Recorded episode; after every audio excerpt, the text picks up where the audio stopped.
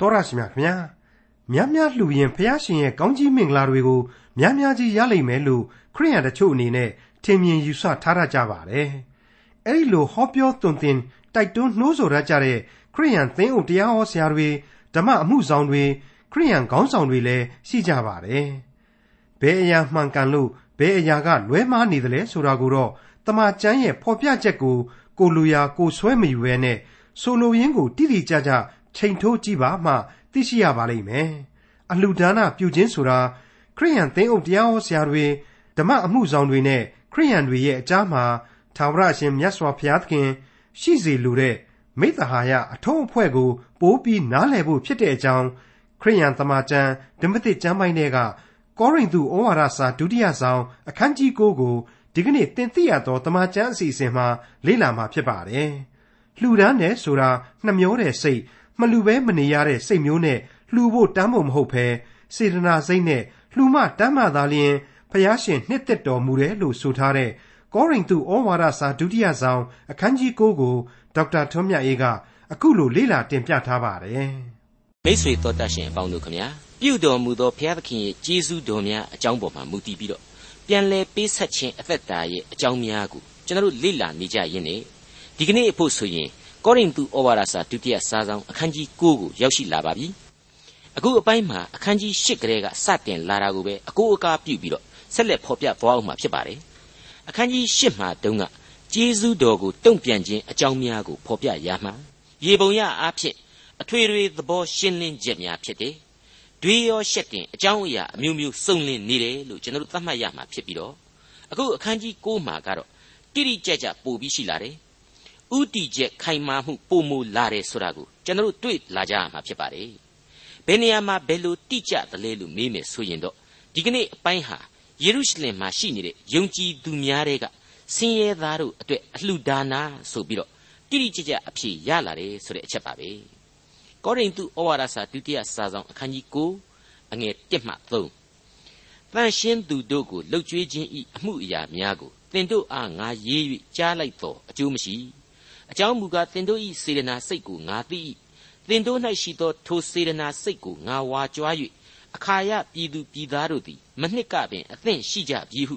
မာကေဒေါနိလူတို့အားငါဆိုတတ်၏ထို့သောသင်တို့စေတနာစိတ်အားကြီးခြင်းအကြောင်းအရာသည်အများသောသူတို့ကိုနှိုးဆော်တိုက်တွန်းလေပြီသို့တော်လည်းငါတို့သည်သင်တို့ကိုဝါကြွားသောစကားသည်ဤအမှု၌အချီးနှီးမဖြစ်စေဘဲထိုစကားနှင့်အညီသင်တို့သည်အသင့်ရှိနေစေခြင်းဟာ ညီအကိုအချို့တို့ကိုငါစေလွှတ်၏သို့မဟုတ်မာကေဒေါနိလူတို့သည်ငါတို့နှင့်အတူလာ၍သင်တို့သည်အသင့်မရှိကြသည်ကိုတွေ့လျင်သင်တို့ရှက်ကြလိမ့်မည်ဟုမဆိုဘဲငါတို့သည်ရဲရင်စွာဝါကြွားခဲ့ပြီးသည်ကိုအရှက်ခံရကြလိမ့်မည်အလွန်ရှည်လျားတဲ့ဖော်ပြချက်တစ်ခုဖြစ်ပါတယ်ဝက်ကြဖွဲ့စည်းပုံအရာလေအဖြေထုတ်ရတာခက်တဲ့အောင်အောင်ရှိပါတယ်ဒါပေမဲ့သေသေးချာချာဖတ်ကြည့်လိုက်မယ်ဆိုရင်တော့ဆိုလိုရင်းအချက်ဟာတူတောင်းပြီးတော့ရှင်းလင်းနေပါတယ် ဟေးကောရိန္သုသားတို့ရေမင်းတို့ဟာငါတို့ကိုအလှူဒါနတွေနဲ့ပတ်သက်ပြီးတော့ဘိကဝတ်တွေပေးထားခဲ့လို့ငါတို့ကတော့ဝန်သားအားရနဲ့ရှောက်ပြီးတော့မင်းတို့စေတနာဘလောက်ခက်တန်တယ်ဆိုတာကိုဝါကြွားထားခဲ့ကြတယ်အခုမာကေဒေါနီကပုံကိုယ်ကြီးရောက်လာတော့မှမင်းတို့ကငါတို့ဝါကြွားထားတဲ့အတိုင်းအစင်သင့်မဖြစ်ဘူးဆိုရင်တော့မျက်နှာပြက်ရလိမ့်မယ်ဟေးဆိုတဲ့အချက်ပါပဲမိတ်ဆွေအပေါင်းတို့ရှေးခေတ်ကပင်ဖြစ်စီယခုခေတ်ပင်ဖြစ်စီပေးအပ်သောပေးဆက်သောအသက်တာနဲ့အလှူဒါနပြုခြင်းဆိုတာဟာ ယုံကြည်သူတဦးချင်းဖြစ်စေအသင်းတော်အဖွဲ့အစည်းတို့အတွက်ဖြစ်စေပြုတော်မူသောကျေးဇူးတော်ကိုတုံ့ပြန်မှုဘလောက်ရှိတယ်မရှိဘူးဆိုတာရဲ့အညွှန်းကိန်းကနန်တစ်ခုပဲလို့ကျွန်တော်အကြံပြင်းတွက်ဆလို့ရပါတယ်အမှန်တော့ကောရိန္သုအသင်းတော်ဖြစ်စီကျွန်တော်ရဲ့မျက်မှောက်ခေအသင်းတော်တစ်ခုခုပဲဖြစ်စီအလှဒါနအတွက်ဂရိကဝတ်ပြုထားတယ်ဆိုရင်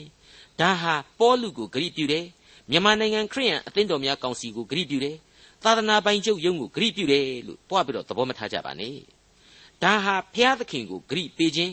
သစ္စာပြုခြင်းသာဖြစ်လို့ပြုခဲ့သောသစ္စာကိုတည်ကြပါစေလို့ကျွန်တော်ဆိုချင်ပါတယ်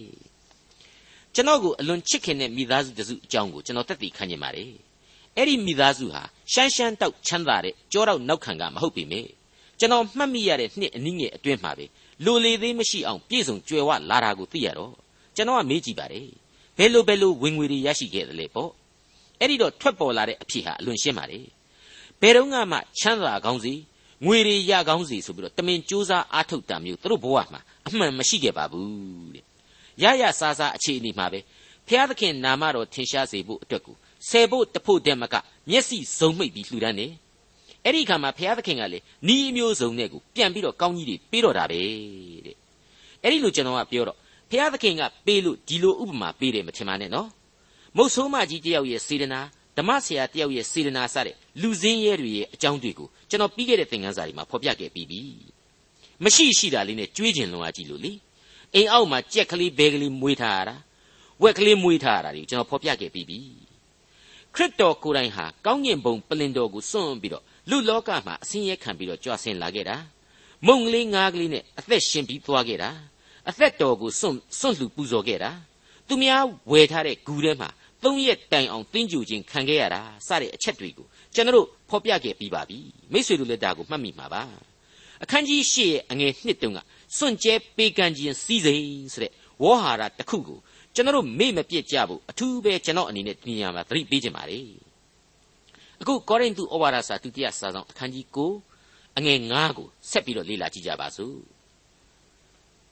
ထို့ကြောင့်အထက်ကကြားပြောသောသင်တို့၏အလှကျေးဇူးသည် အနိုင်အထက်လှူရသောဥစ္စာကဲ့သို့မဟုတ်အလှကျေးဇူးကဲ့သို့အသင့်ရှိစေခြင်းဟာညီအကိုတို့သည်သင်တို့စီသို့အရင်သွားစေ၍ထိုအလှကျေးဇူးကိုအရင်ပြည့်စုံစေခြင်းဟာငါသည်မတိုက်တွန်းပဲမနေကောင်းဟုသဘောရှိ၏ဒီနေရာမှာကျွန်တော်စိတ်ညစ်တာလေးတခုကိုထည့်ပြောချင်ပါတယ်ကျွန်တော်ကစာရေးဆရာသင်သိရသောတမာကျမ်းကိုပဲစောက်ချပြီးတော့ဘာသာပြန်ရအသံသွင်းရတယ်အင်မတန်အလုပ်ပင်ပန်းပါတယ်မဂ္ဂဇင်းတွေမှာလည်းအချိန်ပိုင်းအက်ဒီတာသဘောမျိုးဘာသာပြန်ကဏ္ဍများကိုလုပ်ပေးရ အားလက်တယ်လို့သိပြီးတော့မရှိလာပါဘူးအဲ့ဒီကြားထဲကဟိုအသင်းတော်ဒီအသင်းတော်တွေကနေပြီးတော့အလှငွေလိုက်ကောက်ခိုင်းတဲ့အချိန်မှာဖျားသခင်အတွက်ဆိုတော့လေမလွှဲမရှောင်သာအောင်ဝင်ကူလုပ်ပေးရပါတယ်အဲ့ဒီအခြေအနေမှာတချို့ကပိုက်ဆံရှိရနဲ့စစ်စစ်ပေါက်ပေါက်စကကြောရှိတာပိုက်ဆံလေးထဲ့မဲ့အရေးမှာအတော်တိုက်တွန်းယူရတာရှင်းပြရတာတွေနဲ့တွေ့ကြုံရင်အကြီးအကျယ်ကျွန်တော်စိတ်ညစ်ရပါတယ်အမှန်တော့ကောက်ခံသူကအေးဒမြတိုက်တယ်လို့အတင်းအကျပ်ကောက်เสียမလိုတယ်လို့ထဲ့သူကလေထဲ့ခြင်းထဲ့မထဲ့ခြင်းနေစရာဟာ ကျွန်တော်တို့လူစားမျိုးနဲ့ပို့ပြီးကြိုက်လိမ့်မယ်လို့ကျွန်တော်ထင်မိပါတယ်တကယ်တော့ကျွန်တော်ကိုဘုရားသခင်ဟာအဲ့ဒီ line မျိုးမှာသုံးဟန်မတူပါဘူးကျွန်တော်သိပြီးတော့စိတ်မရှိနိုင်ပါဘူးအဲ့တော့ကျွန်တော်အတွေ့အကြုံနဲ့ရှင်တွဲစဉ်းစားပြီးတော့တမန်တော်ကြီးရှင်ပေါလုအကြောင်းကိုကျွန်တော်တွေးမိပြန်တော့ငါမှားပြီဆိုတာမျိုးအခုတခါပြန်ပြီးတော့နောင်တရတယ်လို့လို့ဖြစ်လာပါတယ်တမန်တော်ကြီးခမညာမှာကျွန်တော်တဲ့ဆယ်ပြန်ပင်ပန်းခဲ့ရှာမှာပဲ အဲ့ဒီကြားတွေကပဲသူခမညာဒီအလှငွေကိစ္စအတွက်မပြောမပြီးမတိမမီဆိုသလိုလိုက်ပြီးပြောနေခဲ့ရတယ်ဆိုနေခဲ့ရတယ်တိုက်တွန်းနေခဲ့ရတယ်ဆိုတာတွေကျွန်တော်အလေးအနက်စဉ်းစားရင်းနဲ့ငါတို့မှလည်းတာဝန်ရှိတာပဲဒီကိစ္စဟာလေဘုရားသခင်အတွက်ပဲမလွှဲမရှောင်သာပါဝင်ဆောင်ရွက်ပေးရမှာပေါ့ဆိုတဲ့အတွေ့အမျိုးတစ်ခါပြန်ပြီးတော့ဝင်မိပါတယ်ကောရိန္သုဩဝါဒစာဒုတိယစာဆောင်အခန်းကြီး9အငယ်6နဲ့9အနည်းငယ်သောမျိုးစေ့ကိုကျဲသောသူသည်စပားအနည်းငယ်သာရိပ်ရမည် များစွာကျဲသောသူသည်များစွာရိပ်ရမည်ဟုမှတ်ကြလော့လူတိုင်းကိုယ်အလိုအလျောက်လှူရ၏နှမျောသောစိတ်နှင့်မလှူရမလှူဘဲမနေရဟုစိတ်ထင်နှင့်မလှူရအကြောင်းမူကားစေတနာစိတ်နှင့်လှူသောသူကိုသာဖျားသခင်နှစ်သက်တော်မူ၏မယိုးနိုင်အောင်အထက်ထက်ကြားနေရတဲ့နှုတ်ကပတ်တော်အဆုံးအမတစ်ခုဖြစ်ပါတယ်ဒီလိုများများစိုက်ပြူးရင်များများရိပ်ရလိမ့်မယ်ဆိုတာနဲ့ပတ်သက်ပြီးတော့လှေနန်းဓာတ်တဲ့မမှတ်သင့်တာကိုကျွန်တော်ပြီးပြီးခဲ့တဲ့သင်ခန်းစာတွေတုန်းကပြောခဲ့ပြီးပါပြီ လုံလောက်အောင်ဖော်ပြခဲ့ပြီးပြီလို့ကျွန်တော်ယူဆမိပါတယ်ကြိုက်တော်ရှိမကြိုက်တော်ရှိတမန်တော်ကြီးရဲ့ဘဝမှာသွန်သင်ခဲ့တဲ့အခြားအချက်တွေနဲ့ရှင်တွဲသုံးသပ်ထိုက်တယ်လို့ကျွန်တော်ထင်ပါတယ်အေးဖက်အသင်းတော်ခေါင်းဆောင်တွေကိုမိလဲဆိုတဲ့မြို့ကလေးမှာဆုံတွေ့ပြီးတော့တမန်တော်ကြီးဟာတမန်တော်ဝတ္ထုထဲမှာဘယ်လိုပြောခဲ့တယ်ဆိုတာကိုကျွန်တော်ဒီနေရာမှာသက်သေပြခြင်းပါလေဤလက်တို့သည်ငါ့ကို၎င်းငါအပေါင်းအဖော်တို့ကို၎င်းလှုပ်ကြွေးပြီးဟုသင်တို့သည်ကိုယ်တိုင်သိကြ၏ ထို့သောသင်တို့သည်လည်းအလုတ်လုတ်၍အာနေသောသူတို့ကိုမဆရမည်အကြောင်းကို၎င်းအစွန့်အကျဲခံခြင်းအရာတဲ့စွန့်ကြဲခြင်းအရာသည်သာ၍မင်္ဂလာရှိသည်ဟုယေရှုမိန့်တော်မူသောစကားတော်ကိုအောက်မေ့ရမည်ကို၎င်းအရာရာ၌သင်တို့အားငါပြသပြီဟုပေါလုဆိုပြီးလျှင်ဒူးထောက်၍ထိုသူအပေါင်းတို့နှင့်တကွဆုတောင်းလေ၏အဲ့ဒီဖော်ပြချက်ကလေးပဲဖြစ်ပါတယ်ဘလောက်ကောင်းတယ်လေအဲ့ဒီအချက်ထဲမှာ အဲ့ဒီအချက်ထဲကနေပြီးတော့မင်္ဂလာရှိ၏ဆိုတာဟာအင်္ဂလိပ်လို blessed ဆိုပြီးသုံးထားပါတယ်တနည်းအားဖြင့်ဝမ်းမြောက်ရွှင်လန်းပွေဖြစ်၏ဆိုတဲ့အဓိပ္ပာယ်လဲကျွန်တော်တို့ကောင်းကောင်းကြီးဖော်ထုတ်လို့ရနိုင်ပါတယ်ဒါကိုထည့်ပြောရတာကတော့အထူးအရေးကြီးတဲ့အကြောင်းကြောင့်ပါဘုရားသခင်ရဲ့ကျေးဇူးတော်ဆိုတာကိုငွေကြေးဥစ္စာနဲ့ပဲတိုင်းတာနားလည်ပြီးတော့ငါတလောက်လှူရင်တလောက်ကြီးတော့ဟောတလောက်ကြီးတော့ပြန်ရမယ်ဆိုတဲ့ခံယူချက်မျိုးနဲ့အတွေးမမှားစေခြင်းလို့ပဲဖြစ်ပါတယ်စကလေးကအဲ့ဒီလိုစိတ်ဓာတ်မျိုးမွေးထားရင်တော့ အသက်တာဟာမိကိုကြွက်လျှောက်ကမောက်ကမတွေအကုန်ဖြစ်သွားနိုင်တယ်ငါကတော့အလှငွေတွေထည့်လိုက်ရတာဘုရားသခင်ကငါ့ကိုတခါမှချမ်းသာအောင်ကောင်းကြီးမပေးဘူးဆိုပြီးတော့စိတ်ကောက်သွားတတ်တဲ့ခလေးစိုးကြီးများတွေကိုကျွန်တော်တို့တွေ့ဘူးပါတယ်ဝိညာဉ်ရေးခံယူချက်အာရုံမှုအမြင်သွေမှားမှုလို့ဆိုရမှာသာဖြစ်ပါတယ်ဒီသင်သိရသောတမန်ကျမ်းကိုရေးသားခဲ့တဲ့ဒေါက်တာမက်ဂီးကသူ့ဘဝအတွေ့အကြုံတစ်ခုကိုဖော်ပြထားတာလည်းရှိပါတယ်သူဟာသင်ရုပ်ဆရာကြီးအဆင့်ကိုရောက်နေတဲ့အသက်ကြီးလာတဲ့တနေ့မှာ တစ်ချိန်ကသူ့အဖေကိုမြုပ်နှံခဲ့တဲ့တင်ချိုင်းရှိတဲ့သူ့ဇာတိမြို့ကလေးကိုအလွန်ပြေရောက်သွားတော့သူ့တဲ့အလွန်အသက်ကြီးတဲ့အဖွားကြီးအိုကြီးတယောက်ဟာသူ့စီကိုအင်မတန်ကောင်းမွန်တဲ့မုံကြီးတစ်ခုနဲ့ရောက်လာပြီးတော့အတိတ်ကအကြောင်းတွေကိုပြန်ပြောင်းပြီးတော့ပြောပြခဲ့ပါတယ်တဲ့ဒေါက်တာမက်ဂီအဖေသေတဲ့အချိန်မှာအဲ့ဒီအဖွားကြီးဟာခက်ငယ်ငယ်ပဲရှိသေးတယ်ဒီအဖွားကြီးရဲ့အမေကအဲ့ဒီလိုပဲမက်ဂီအဖေကွယ်လွန်ချိန်မှာမက်ဂီတို့မိသားစုစားဖို့တောက်ဖို့အတွက်တာဝန်တွေယူခဲ့ရပုံတွေ မနေ့စာညစာကိုမသာအင်းကလူတွေမပင်ပန်းရအောင်ဆိုပြီးတော့ချက်ပြုတ်ပြီးတော့အောက်မေ့ပွဲစီဝေပြီးတဲ့အချိန်ထိတာဝန်ယူပေးခဲ့ရပုံတွေအကြောင်းတွေကိုပြန်ပြီးတော့ပြောပြတယ်ဆိုပဲဒေါက်တာမက်ဂီဟာဒီအဖွားကြီးပေးတဲ့မုံကိုစားရင်းနဲ့အဖွားကြီးကိုစိတ်စိတ်အကဲခတ်တော့ဒီအဖွားကြီးဟာခက်နွန်းနွန်းပါပါအမျိုးစားတဲ့ရပဲဆိုတာကိုသူတွေ့ရတယ်အဲ့ဒါနဲ့အော်တစ်ချိန်ကငါတို့ဒုက္ခရောက်ရှိနေတဲ့အချိန်မှာဒီမိသားစုဟာငါတို့အတွက်ငွေကြေးအကုန်ကျခံပြီးတော့မဆခဲ့တာပါကလားဆိုတဲ့အသိနဲ့ အခုခမရတို့မိသားစုကြည်ရတာအမကြီးရဲ့စီးပွားရေးသိပ်မပြေလည်ဘူးထင်တယ်နော်ဒီကြားထဲရမြကျွန်တော်ငငယ်ရကျွန်တော်မိသားစုကိုပြုစုခဲ့တယ်လို့အခုဆက်လက်ပြီးတော့ပြုစုကျွေးမွေးနေတာဟာကျေးဇူးတင်ပါရဗျာဆိုပြီးတော့ပြောလိုက်တယ်အဲ့ဒီမှာအဖွားကြီးပြန်ပြောလိုက်တဲ့စကားဟာအထူးမှတ်သားစရာစကားစုဖြစ်နေပါလေဆရာမကြီးတဲ့စီးပွားရေးမပြေလေတာမပြေလေတာတခြားပဲဘာဖြစ်တယ်လဲဖျားသခင်ပေးလို့ကျွေးလို့နေ့စဉ်ပိုက်ပါတယ်ညစဉ်လုံခြုံကောင်းမွန်စွာအိပ်အိပ်ရတယ်ပြီးတော့ ကျမကဒေါက်တာမက်ဂီကိုသိပ်ပြီးတော့ကျေးဇူးတင်နေတယ်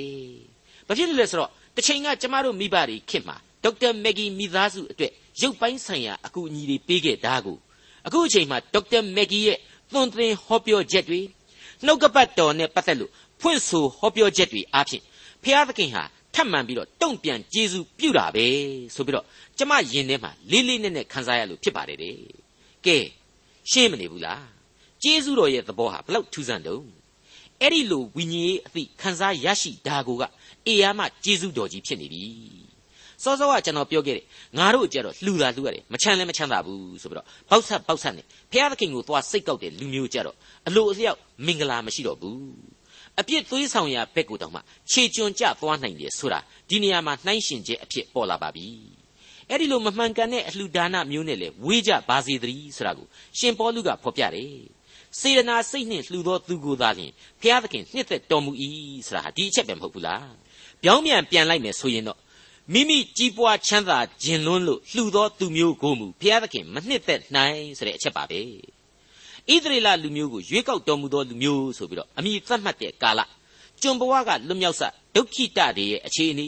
ခါနာမြေကိုခွဲဝေပြီးတော့အမွေပေးတဲ့အချိန်စတဲ့ဓမ္မဟောင်းကာလမှာအခြေအနေနဲ့အချိန်အခါနဲ့လိုက်လျောညီထွေရှိအောင်ဘုရားသခင်က မင်းတို့ကိုငါဘာတွေပေးမယ်ဘာကိုဘလောက်အတိုင်းအတာအထိယူရမယ်စသည်စသည်ဖြင့်ဂရိသစ္စာတွေပေးခဲ့တာကိုတွေ့ရပါတယ်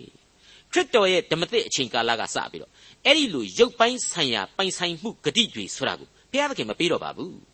ဝိညာဉ်ရေးနဲ့သက်ဆိုင်တဲ့ကောင်းကြီးများကိုသာအခိုင်အမာဂရိပေးခဲ့တယ်ဆိုတာကိုကျွန်တော်ဒီနေရာမှာအလေးအနက်သတိရဖို့လိုပါတယ်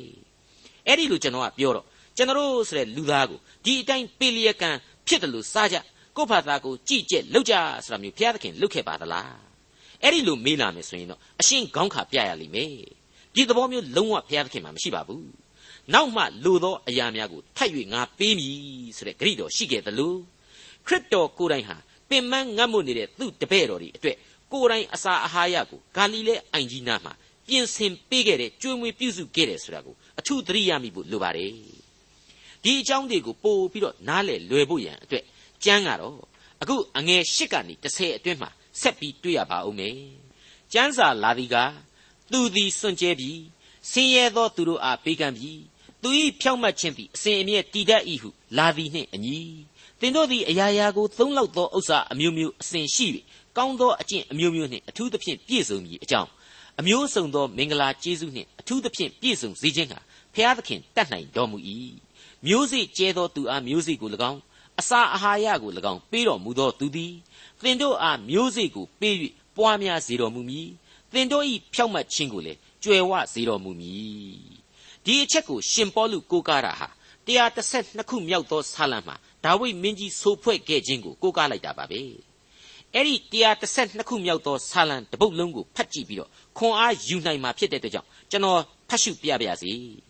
ထာဝရဘုရားကိုကြောက်ရွံ့၍ပြည့်ညတ်တော်တို့၌အလွန်မွေ့လျော်သောသူသည်မင်္ဂလာရှိ၏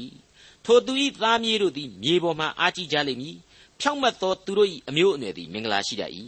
ထိုသူ၏အိမ်၌စီးစိမ်ဥစ္စာကြွယ်ဝ၍သူ၏ကောင်းကျိုးသည်အစဉ်အမြဲတည်တတ်၏သဘောဖြောင့်သောသူတို့အဖို့မှောင်မိုက်ထဲမှအလင်းပေါ်ထွန်းတတ်၏ထိုသို့သောသူသည်ကျေးဇူးပြုတတ်သောသဘောနှင့်တနာစုံမဲ့တတ်သောသဘောရှိ၍တရားသဖြင့်ပြုတတ်၏ဂယုဏစိတ်ရှိ၍ချင်းငှားတတ်သောသူသည်ကောင်းစားတတ်၏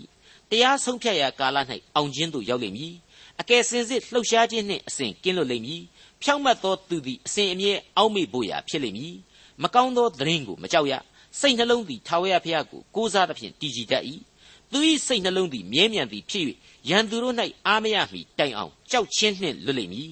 သူသည်စွန့်ကြဲပြီးဆင်းရဲသောသူတို့အားပေးကမ်းပြီးသူ၏ဖြောင့်မတ်ခြင်းသည်အစဉ်အမြဲတည်တတ်၏သူ၏ဥကြိုသည်ဂုံအသရေနှင့်ချီးမြှင့်ခြင်းရှိလိမ့်မည် မတရားသောသူတို့သည်မြင်၍နာကျင်သောစိတ်ရှိလိမ့်မည်အံသွားခဲကျစ်၍ပိန်ချုံကြလိမ့်မည်မတရားသောသူတို့၏အလိုသည်ပျက်စီးရလိမ့်မည်132ခုမြောက်သောဆာလံတည်ခြင်းဖြစ်ပါတယ်ဒီကျမ်းကိုနားထောင်လိုက်ရတော့ကောရိန္သုဩဝါဒစာကဖော်ပြထားတဲ့ကျေးဇူးတော်ကိုတုံ့ပြန်ခြင်းသဘောဟာပို့ပြီးတော့ရှင်းလင်းပြီးပြင်သွားရပါတယ်ထာဝရဘုရားကိုကြောက်ရွံ့ခြင်းသဘောပြီးတော့နှုတ်ကပတ်တော်ကိုမွေ့လျော်တဲ့အကျင့်အဲ့ဒီဤအဖြစ်ဝိညာဉ်အလင်းကိုမြင်ရတယ် ဆက်လက်ပြီးတော့အကျိုးကျေးဇူးတွေအဖြစ်ကျေးဇူးပြုတတ်တဲ့စိတ်တွေသနာကျင်နာခြင်းစိတ်ဓာတ်တွေတရားမျှတတဲ့အတွေ့အခေါ်တွေဆိုတာဟာဆင့်ကဲဆင့်ကဲပေါ်ထွက်လာရတယ်တဲ့အဲ့ဒီနောက်မှာတော့ယုံကြည်ခြင်းဟာတည်ကြည်တယ်တဲ့ကျွန်တော်ရှင်းပြခဲ့တဲ့အတိုင်းငါကတော့လှူလိုက်ရတာတခါမှလည်းမချမ်းသာဘူးဆိုတဲ့ကျင်းမြောင်းတဲ့လူဒန်းစားမျိုးမဖြစ်နိုင်တော့ဘူးတနည်းတလန့်ကတော့ဝိညာဉ်အသက်တာကြီးပွားရာဆိုသလိုဖျားသခင်၌အလွန်ခိုင်ကန့်တဲ့ယုံကြည်သူဖြစ်ကိုဖြစ်လာရပါလိမ့်မယ် ကျွန်တော်တို့တည်ဆိုးနေတဲ့ဓမ္မတည်ခြင်းတွေထဲမှာမြေကြီးပေါ်မှာဒုက္ခဆင်းရဲရောက်သောအခါမျောလင့်ခြင်းကင်းစိတ်ပြက်ခြင်းကိုခံရလျင်ခံစားရကောင်းကြီးမင်္ဂလာရည်တွက်ပါ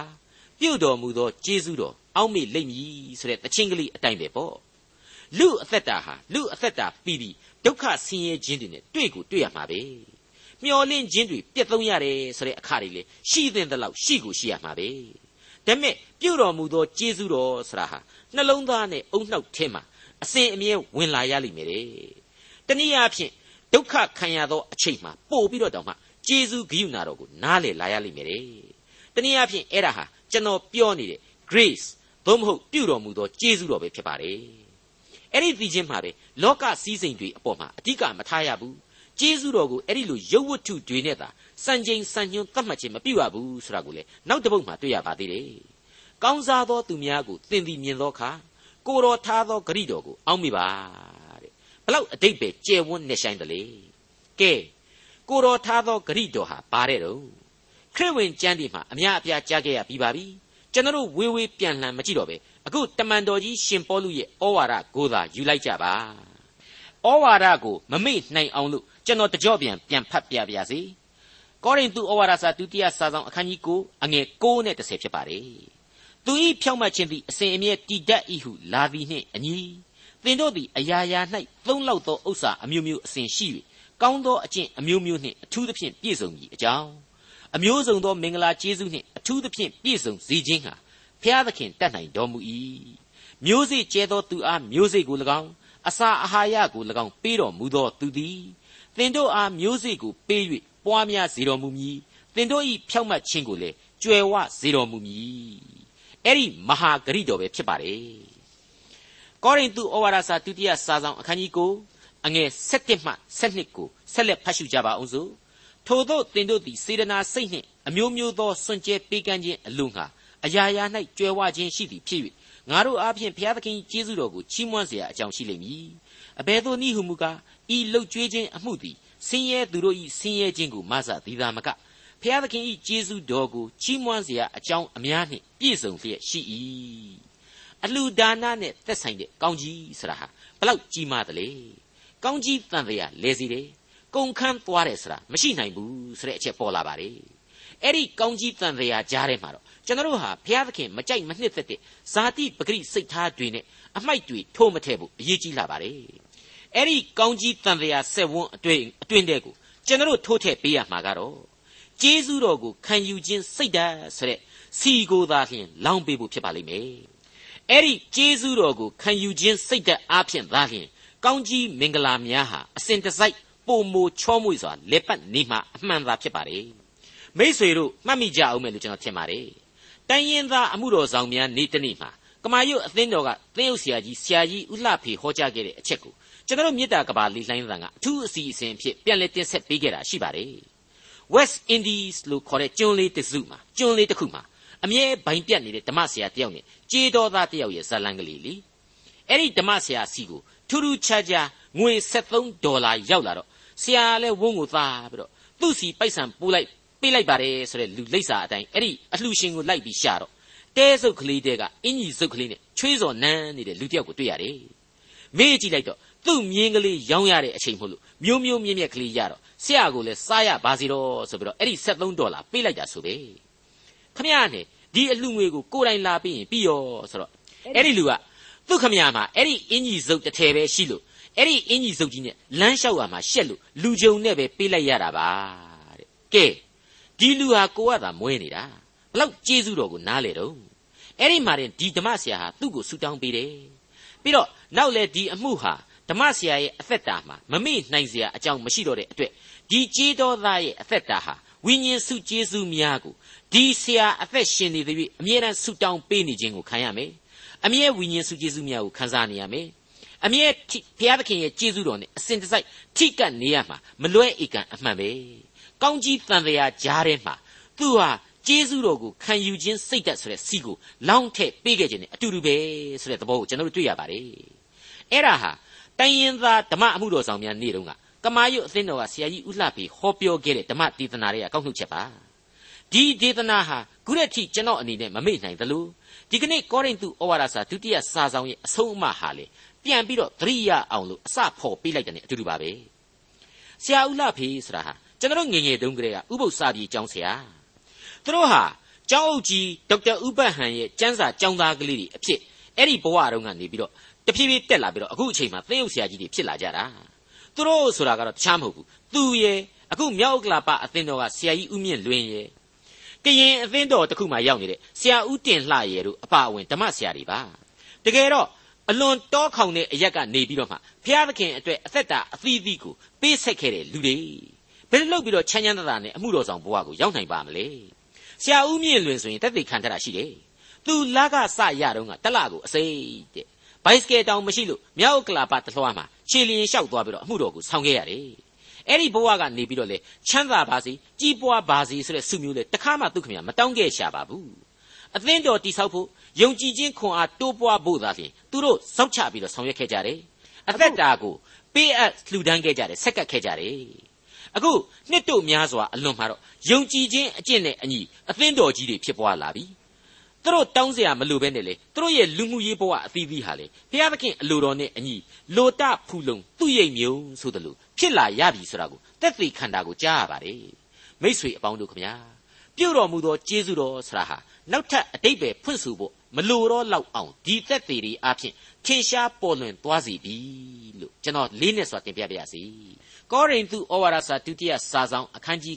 9အငယ်73မှ15သင်တို့သည် ခရစ်တော်၏ဧဝံဂေလိတရားအလိုသို့ထင်ရှားစွာလိုက်ခြင်းအရာကို၎င်းထိုတန်ရှင်းသူတို့မှစသောလူအပေါင်းတို့အားကြည်ညိုသောစေတနာစိတ်နှင့်စွန့်ကြဲပေးကမ်းခြင်းအရာကို၎င်းသူတို့သည်အောက်မေ့သောအခါဤလှုပ်ကြွေးခြင်းအမှု၏လက္ခဏာသက်သေကိုထောက်၍ဘုရားသခင်၏ကျေးဇူးတော်ကိုချီးမွမ်းတတ်ကြ၏သင်တို့၌ထူးမြတ်သောဘုရားသခင်၏ကျေးဇူးတော်ကိုလည်းသူတို့သည်ထောက်ဖြင့်သင်တို့အဖို့အလွန်ငါဆုတောင်း၍အလွန်ချစ်ခင်မြတ်နိုးခြင်းစိတ်ရှိကြ၏ ပြော၍မကုန်နိုင်သောဘုရားသခင်၏ဆုကျေးဇူးတော်ကို အောက်မေ့၍ချီးမွမ်းခြင်းရှိစေတည်းဧဝံဂေလိတရားအလိုတို့လိုက်ခြင်းအတွက်လှူဒန်းတယ်ဆိုတဲ့အချက်သိအရေးကြီးလာပါတယ်အဲ့ဒါဟာခရစ်တော်ပြုတော်မူသောကယ်တင်ခြင်းတရားကိုအပြစ်လောကလူသားတိုင်းကြားနာဖို့အတွက်ဖြစ်တယ်ဆိုတာကိုရှင်းရှင်းလေးဖော်ပြလိုက်ပါတယ်အဲ့ဒီဖော်ပြချက်နဲ့တစ်ဆက်တည်းသဘောပေါက်ဖို့ကတော့အခုအပိုင်းကလေးဟာတမန်တော်ကြီးရှင်ပေါလုနဲ့တကွဘုရားသခင်ရဲ့ဓမ္မအမှုတော်ဆောင်တွေရဲ့ ယုံကြည်သူတပည့်တော်များရဲ့ကြားထဲမှာရှိတဲ့ဖျားသခင်ရှိစေလိုသောမိသဟာယအထုံးအဖွဲ့ကိုပုံမိုပြီးနားလေလာစေတယ်လို့ကျွန်တော်ခံယူပါတယ်ဟုတ်ပါတယ်မိတ်ဆွေတို့တမန်တော်ကြီးရှင်ပေါလုရဲ့ဒီဆုံးမဩဝါဒစကားတွေကြားထဲကနေပြီးတော့ယုံကြည်သူတပည့်တော်များနဲ့ဓမ္မအမှုတော်ဆောင်တို့ကြားမှာဘယ်လိုရှေးခေတ်ကာလတုန်းကအဆက်အသွယ်ရှိခဲ့တယ်ဘယ်လိုသူတို့ဟာမိသဟာယပြုကြတယ် သူတို့ရဲ့လူမှုဆက်ဆံရေးပုံစံတွေဟာဘယ်လိုဖြစ်တယ်ဆိုတာကိုသမိုင်းကြောင်းအမြင်အရလွန်တန်ဖိုးကြီးမားစွာကျွန်တော်တို့တွေ့ရတယ်လို့ကျွန်တော်ဆိုချင်ပါတယ်မိษွေတော်တတ်ရှင်အပေါင်းတို့ခမညာခေတ်ကာလတို့အမျိုးမျိုးရွေ့လျောပြောင်းလဲသွားနေပြီမဲ့လေကျွန်တော်ယုံကြည်သူအသင်းတော်များဟာဘုရားသခင်ရဲ့ပြုတော်မူသောကျေးဇူးတော်ကိုနားလည်ခံယူကြဖို့တုံ့ပြန်ပေးဆက်ဖို့ဆိုတဲ့မဟာတာဝန်များကိုတော့မမိတ်မသုံထမ်းဆောင်လျက်ပဲရှိနေရစေဖြစ်ပါတယ်။သမိုင်းအဆက်ဆက်သောအသင်းတော်တို့ဟာ ခေါင်းဆောင်တမန်တော်တွေ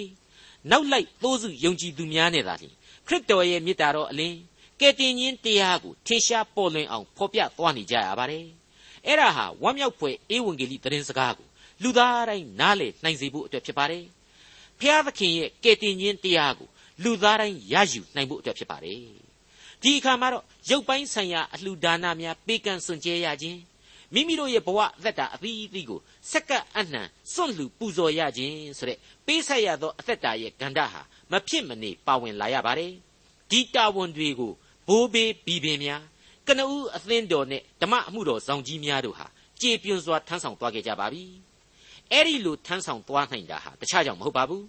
ပြုတော်မူသောကျေးဇူးတော်ဆိုတာကိုအပြစ်လူသမိုင်းဟာအစဉ်တစိုက်ခံစားထိတွေ့နေရစေဖို့အတွက်ပဲဖြစ်ပါတယ်အဲ့ဒီနီးအားဖြင့်လေ အပြစ်သမိုင်းစစ်သမိုင်းတို့လွှမ်းမိုးရာလူလောကအတွင်းမှာဖျားသခင်ရဲ့အသက်ရှင်ခြင်းအကြောင်းနဲ့ကယ်တင်ခြင်းတရားတို့ရဲ့အကြောင်းကိုလူသားတွေဟာမုတ်ချဧကန်နားလည်ကြရမှာအမှန်လို့ကျွန်တော်လေးစားစွာနဲ့တင်ပြလိုက်ပါရစေဒေါက်တာထွန်းမြတ်ရေးစီစဉ်တင်ဆက်တဲ့တင်ပြရသောတမချန်းအစီအစဉ်ဖြစ်ပါတယ်နောက်တစ်ချိန်အစီအစဉ်မှာခရိယန်တမချန်းဓမ္မသစ်ကျမ်းပိုင်းတွေကကောရိန္သုဩဝါဒစာဒုတိယဆောင်အခန်းကြီး30ကိုလေ့လာမှဖြစ်တဲ့အတွက်စောင့်မျှော်နားဆင်နိုင်ပါတယ်။